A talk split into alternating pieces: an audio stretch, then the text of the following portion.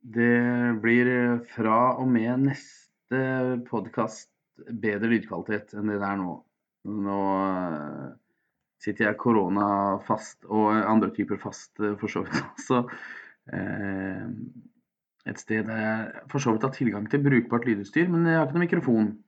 Så derfor må jeg bruke PC-en innebygd der. I går så Ja, i dag er det da tirsdag 24. mars 2020. I går snakka jeg så vidt om uh, Sigvart Dagslands uh, nakenhud, eller nagen hud.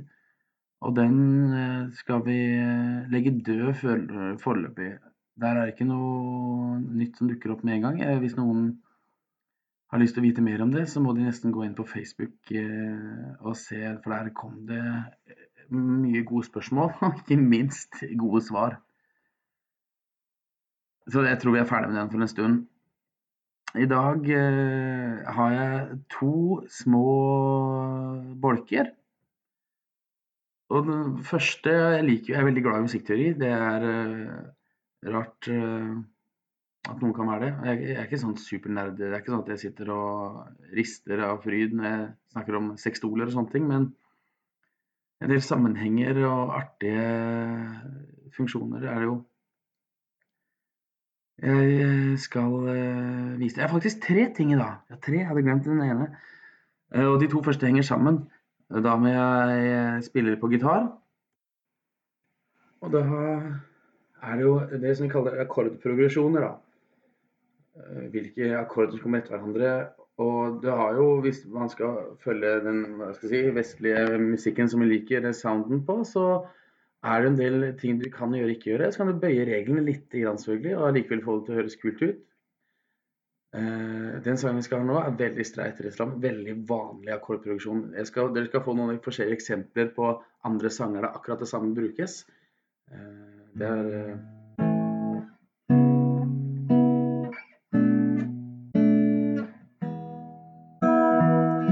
Gitaren er rein nok.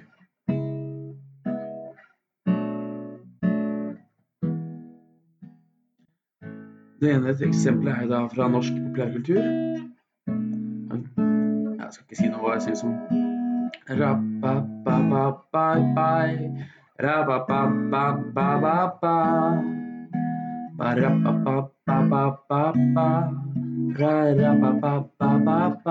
Ja, det er vel fra Putti Plutti Pott, er det ikke det? Og så er det en til. Den er amerikansk. Gjort i to versjoner, og der er vel coverversjonen som er mest kjent. I it sounds funny, but I just can't stand the pain. Ikke sant? Det kjenner dere. Men uh, nå Nå stoppe jeg spiller for meg. Det er jo enkelte ting uh, i musikken som gjentar seg med jevne mellomrom. Og så tror man kanskje at det har gjort noe nytt, og så viser det seg at uh, det har blitt gjort før.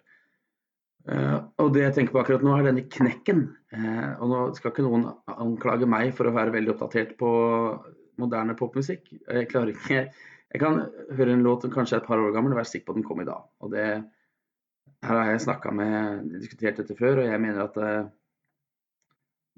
det er såpass musikk, Mengden musikk det er så stor at du kan, sjansen for å finne noe nytt er til stede uansett om man leiter foran, forover eller bakover i tid. Og jeg er mest glad i å leite bakover i tid for å finne noe nytt. Og øh, videre da Nå mista jeg tråden min, nå kom den tilbake. Er, jeg snakker om denne knekken. Og Jodling er jo eh, eldgammelt, eh, men det kan vel ikke kalles populærmusikk. Verken i, eh, i noen definisjon av ordet. Men det kommer litt sneik seg inn med Jimmy Rogers på 1927 og Blue Yodel Jodlei, jodlei, Ikke sant? Jodlei. Veldig jodelaktig, Og så har du jo altså, Du kan jo leite litt framover på 90-tallet, så hadde du jo Cranberries med Zombie, Zombie. Det er en del av musikalske uttrykket, og det er det når du synger disse damene. Og mennene, ikke minst. Ikke, det er ikke bare damene som synger. Denne knekken i stemmen. Eh, og så vil jo Poenget mitt her da, er jo, det vil jo vise seg om dette kommer til å bli eller om det er en, en, en, midlertidig eh, sjangerkjennetegn, nærmest. Det er mange som bruker det nesten uansett. Noen bruker det eh, verre enn andre. At det er veldig mye Et ekstre, annet ekstremt eksempel er jo selvfølgelig Umbrella med, med Rihanna. Umbrella, Ella, Ella, eh, eh. Der har du den knekken der også. Og ja, det er litt noe eselaktig over det. Det er jeg enig i. Jeg hørte dere påpekte det. Det er noe eselaktig over det, men du slipper unna med det. Hele poenget med denne knekken er jo det, sånne eh, trender som dukker opp i, i, lydbildet. Som vi ikke kan uh, vite selvfølgelig mens det står på, om det var bra eller om det er viktig, toneangivende. Jeg vet er at i 1990 så kom det ut et livealbum som har stått som ei påla, som Gunnar sier, i norsk popmusikkhistorie. Og der også har vi et sånt innslag av en ting som er det et personlig uttrykk? Er det en slags musikalsk trend? For en, gang, en eller annen grunn så får jeg veldig sånn tomboy-vibber her også. Men vi har samme akkordprogresjon.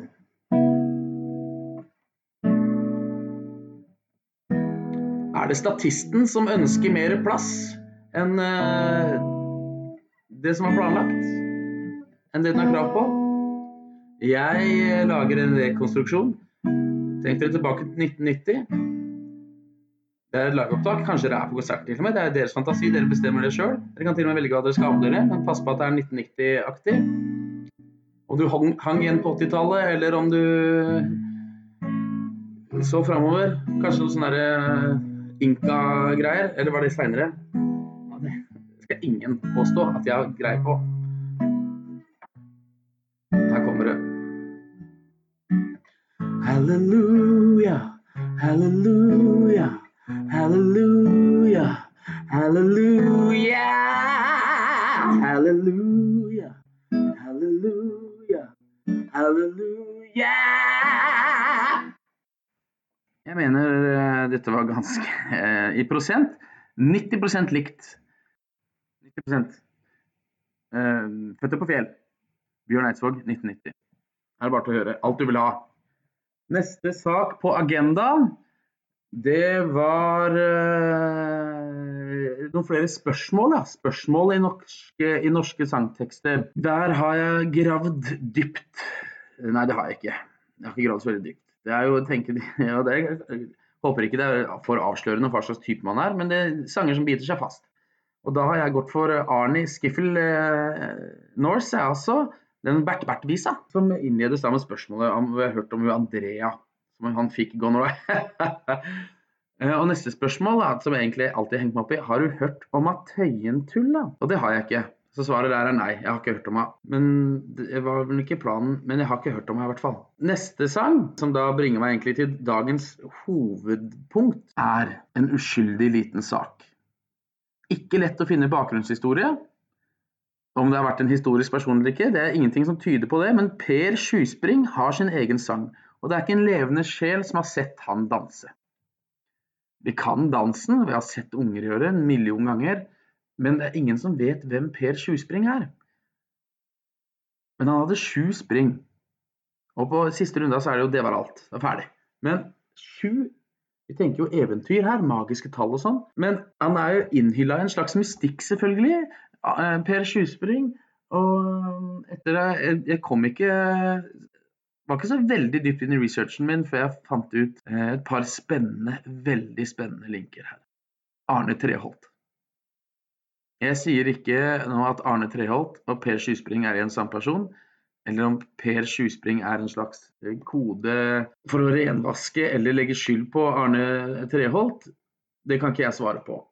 Men det som er interessant, er at når du begynner med litt research på Arne Treholt, så finner du fort ut tallet sju går igjen. Overraskende ofte. Arne, eh, Arne Treholt døde. Han døde 77 år gammel. Han var gift tre ganger. Og han ble gift i 1967, 1977 og 1987. Han var statssekretær i Havrettssekretariatet fra 1976 til 79. Tiere riktignok, men fortsatt sju-tall. Han var journalist i Arbeiderbladet fra 1965 til 1970.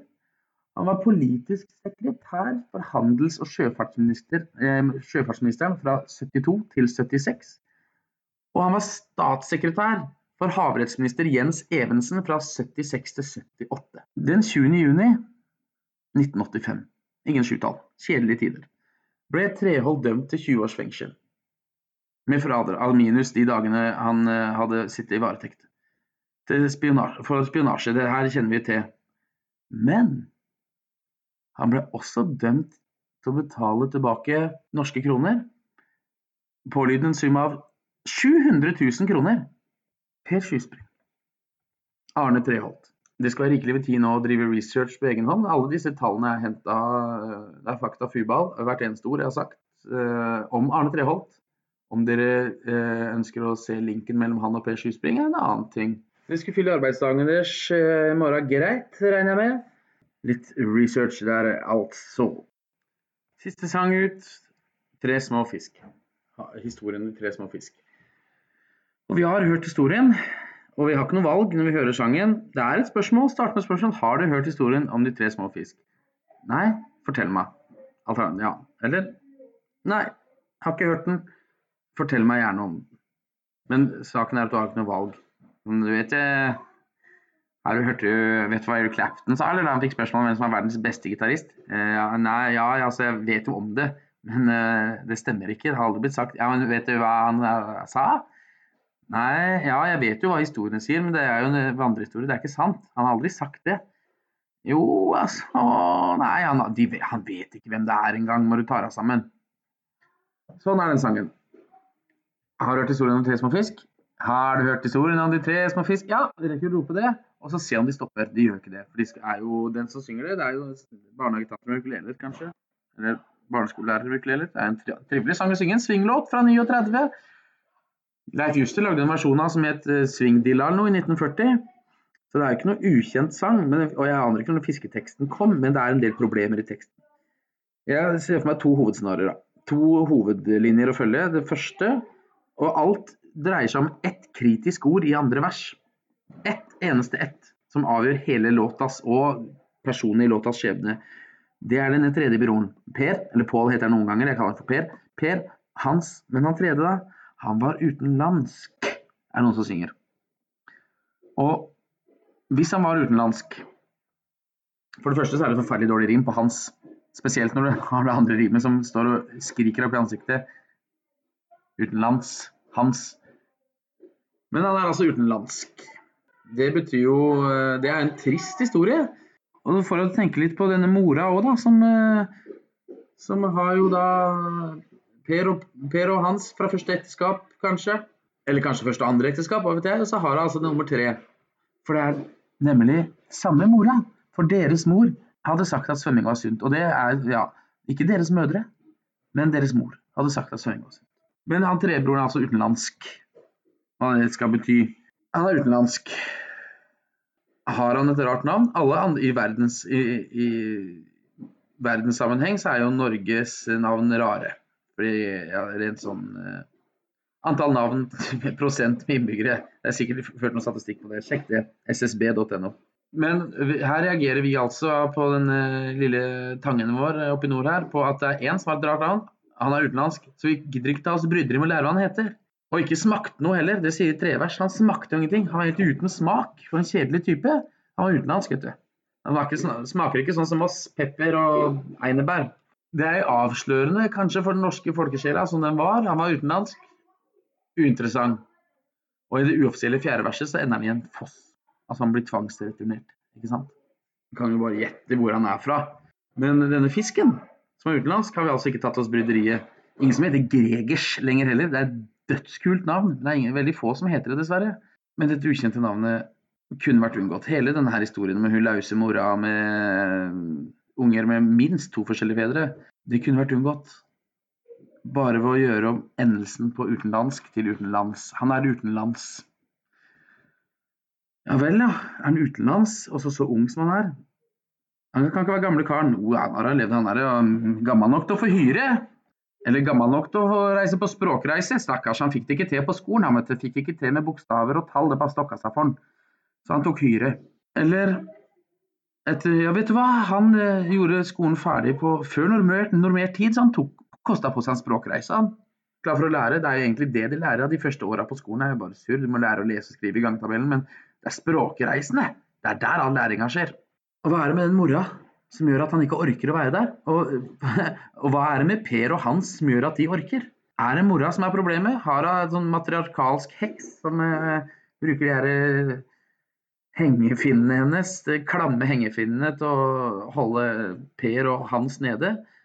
Og så må de ta støyten for hva den ukjente broren gjorde?